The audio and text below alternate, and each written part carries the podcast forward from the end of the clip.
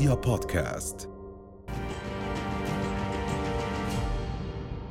موسى الساكت مهندس موسى مساء الخير. سنور. وأبدأ من توقعاتك كيف سيكون شكل اقتصاد 2022 شكرا سيدي على الاستضافة كل عام وأنتم بخير.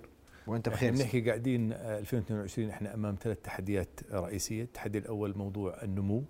متوقع النمو أن يكون بحدود 4.9% هذا 1% أقل من التوقع لنهاية 2000 21 يعني ب 1% أقل كان متوقع أو متوقع في 2021 آه، ان أن ينتهي النمو بحدود ال 4.9 5.9 آسف ف 4.9 متوقع النمو في 2022 أيضا التحدي الرئيسي الآخر هو موضوع التضخم. التضخم آه، وصل في 2021 في الولايات المتحدة الأمريكية على سبيل المثال بحدود 6.8 الأعلى منذ أكثر من ثلاثة عقود. وهذا طبعا سببه آه، أمرين. الأول موضوع ضخ آه، ال- ال- السيولة آه، في الاقتصاد اقتصادات الدول المختلفة آه، من قبل البنوك المركزية، الأمر الآخر دعم المباشر للشركات من قبل الحكومات.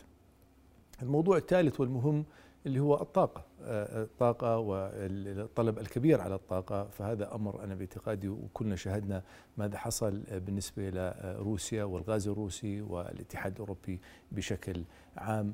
آه، طبعا يمكن آه، لا- لابد أني أضيف موضوع سلاسل التوريد وارتفاع الشحن المستمر. أنا باعتقادي سيبقى مستمرا للربع الثاني من 2022 وهذه يعني حتى منتصف العام نعم، الجديد هذا- هذا- سنبقى في نعم، حالة هذا ارتفاع هذا هو متوقع أنا باعتقادي خصوصا أنه إحنا لم نرى أي تراجع بما يتعلق بأجور آه، الشحن وهذا كمان آه، سيزيد آه، العبء بموضوع ارتفاع الأسعار. هذه المؤشرات ستعكس على أمور أخرى موضوع البطالة. موضوع سرعة التعافي آه، الاقتصادي بشكل عام بموضوع الإنتاجية إنتاجية آه، الدول المختلفة موضوع السلع آه، القوة الشرائية آه، للدول المختلفة. فهذه المؤشرات ستعكس سلبا على كل ما ذكرته. فلا لابد أن يكون إن شاء الله طبعا ما يجيش متحورات إن شاء الله إن شاء الله ما يكون في. متحورات. هذا طبعا بس اليوم أنا عشان أكون إيجابي شو المطلوب حتى أقدر أمشي مع هذه مع هاي السنة وأحقق إنجاز اقتصادي؟ أبني عليه في المستقبل بلاش أقول لك بدي أعمل نهضة اقتصاديه ب 22 شوف شو الارقام اللي؟ اللي ذكرتها 4.9 هي ليس نمو آه، آه، صغير يعني لما نحكي 4.9 الاقتصاد العالمي هذا جيد آه، فيعني أنا دائما بحب إني أنا أكون متفائل هذا هذه المؤشرات بتقول لك إنه أنت اليوم في الأردن ما هي بوصل- بوصلتك الاقتصادية؟ ما هو برنامجك الاقتصادي؟ ما هي خطتك الاستراتيجية ل 2022 آه، ما هي خطتك للأعوام الثلاثة القادمة؟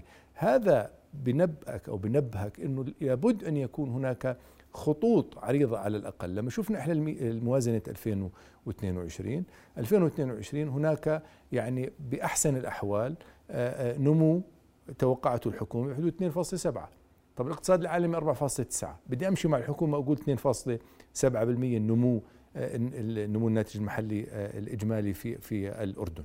طب أنا في عندي نمو سكاني بحدود 2.3 فاذا قديش ضل؟ ضل فاصلة أربعة بالمئة النمو الكلي.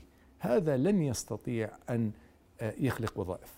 لن يستطيع أن آه، يخفض في آه، عجز الموازنة. لن يستطيع آه، يساهم بما يتعلق باللي هو تشجيع أو أو تخفيض ال- ال- الكلف. لن يحفز الحكومات في موضوع آه، تخفيض الكلف لأنه الإيرادات بشكل عام آه، آه، من وراء هذا النمو ستكون آه، آه، ستزيد المديونية. فلذلك وجب أن يكون هناك أنا باعتقادي خطة اقتصادية ل خلينا نقول سرعة التعافي الاقتصادي لأن إحنا بنشوف قاعدين خلال الخمس سنوات الماضية على سبيل المثال آه، آه، أو عشر سنوات الماضية تضاعفت البطالة. البطالة كانت 12% في 2010 تحديدا. اليوم عندنا آه، لامست ال 25% طبعا تراجعت لأنه كان في هناك آه، تعافي آه، اقتصادي آه، جيد آه، نسبيا. أنا إذا بدي أقول بالنسبة للمنطقة والعالم. آه، أيضا موضوع العجز في الموازنة. العجز آه، في الموازنة. أنا بدي أعطيك مثال سريع. ب 2018 كان بحدود ال 700 700 مليون العجز في الموازنة. طب أنا اليوم في 2022 العجز المتوقع سيدي مليار و750 مليون. ضعفين وشوي عن ما كان عليه قبل خمس سنوات. فهذه كلها مؤشرات بتقول لي إنه يجب على الفريق الاقتصادي أن يعمل ليلا نهارا لأنه أنا اليوم في مؤشرات عالمية. خليني أمشي مع المؤشرات العالمية وأعكس هذه المؤشرات العالمية على الاقتصاد المحلي. طيب في في هذا الموضوع البعض يقول نحن لسنا ببعيدين عن العالم. سلاسل التوريد وضعها سيء. الإنتاج العالمي الصناعي سيء. العالم كله قد يعاني من أزمة أزمة اقتصادية نتيجة الحرب غير المعلنة وإن أصبحت معلنة هذا العام بين الصين والولايات المتحدة الأمريكية. وجهة نظرك؟ نعم. وأنا قلت هذا وذكرته في البداية أه، ولكن أنا اللي بقوله أه، ماذا أعددنا حتى يعني نخفف من أه، من من هذه التحديات أو من أثر هذه التحديات على الاقتصاد. هل خففنا كلف الإنتاج حتى نزيد في الصادرات؟ أنا اليوم أعطيك الصادرات. إحنا في في 2021 كان هناك أرقام يعني جيدة. هناك نمو بحدود 13% بالصادرات وهناك تراجع في نسب البطالة بحدود 1.6 في 2021 هذه أرقام نوعا ما جيدة. ولكن أنا بدي أرجع أقارن الصادرات خلال العشر سنوات الماضية. كانت في 2010 لغاية 2021 تتراوح بين 4.7 مليار ل 5.2 فأنا نمو حقيقي في الصادرات خلال العشر سنوات الماضية ما عندي. وأهم شيء للنمو الاقتصادي ولتحفيز النمو الاقتصادي في أي دولة هي الصادرات والاستثمار. الصادرات نمو الكلي مش موجود. إذا قارنته أنا مع النمو الناتج المحلي الإجمالي بتحكي قاعد 4.7 ل 5.2 مليار فقط. هذا هذا التغيير. فلا يوجد نمو حقيقي يعني نصف مليار مش مش رقم. بالضبط. على 10 سنوات. نعم. فاللي بتقول أنت آه، آه، آه، ويتراوح يعني ممكن يكون 4.7 وممكن يكون 5.2 والسنة اللي بعديها يرجع قليلا. وهذا سببه شيء واحد موضوع كله في الإنتاج. لماذا أنا هنا يعني أنا أحط أحط يعني سؤال مهم أمام أمام الحكومات التي ستأتي والحكومة الحالية.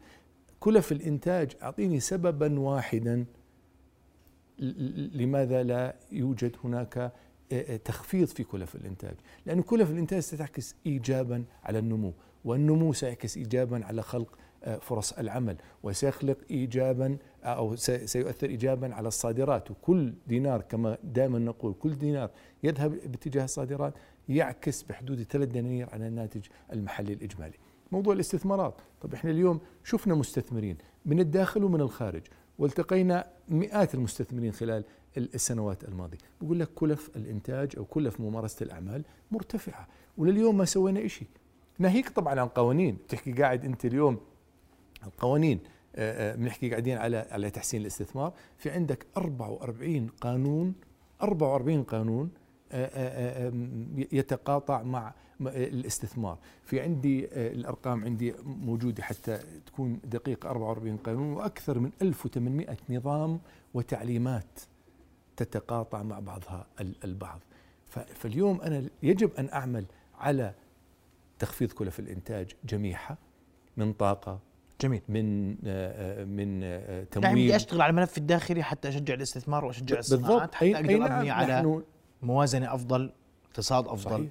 وأكثر انتعاشا. يعني. متفائل إنه العام 2022 أنا دائما متفائل. قد يحمل مثل هذه أنا دائما مثل هذه الأمور في طيات أنا دائما متفائل ولكن دائما بقول التفاؤل له شروط. شروطه فريق اقتصادي قوي متجانس آه، يضع خارطة الطريق. يكون هناك بوصلة اقتصادية إلى أين نريد أن نصل. هل نريد أن نكون بلد إنتاجي؟ هل نريد أن نكون يعني آه، طاقتنا من أين سنأتي بها؟ حتى تكون منافسة وأن أن يعني تدفع عجلة النمو إلى الأمام. جميل. نأمل الخير في هذا العام. نأمل أن نشهد عاما جيدا اقتصاديا لأنه انعكاس الانعكاس الاقتصادي الجيد سيكون على كافة القطاعات وعلى كافة شرائح المجتمع وهذا أمر هذا ما سيدفع طبعا. سيدفع بالدولة للأمام إن صح التعبير. أشكرك كل الشكر الخبير الاقتصادي المهندس موسى الساكت شرفنا بحضورك الليلة رؤيا بودكاست.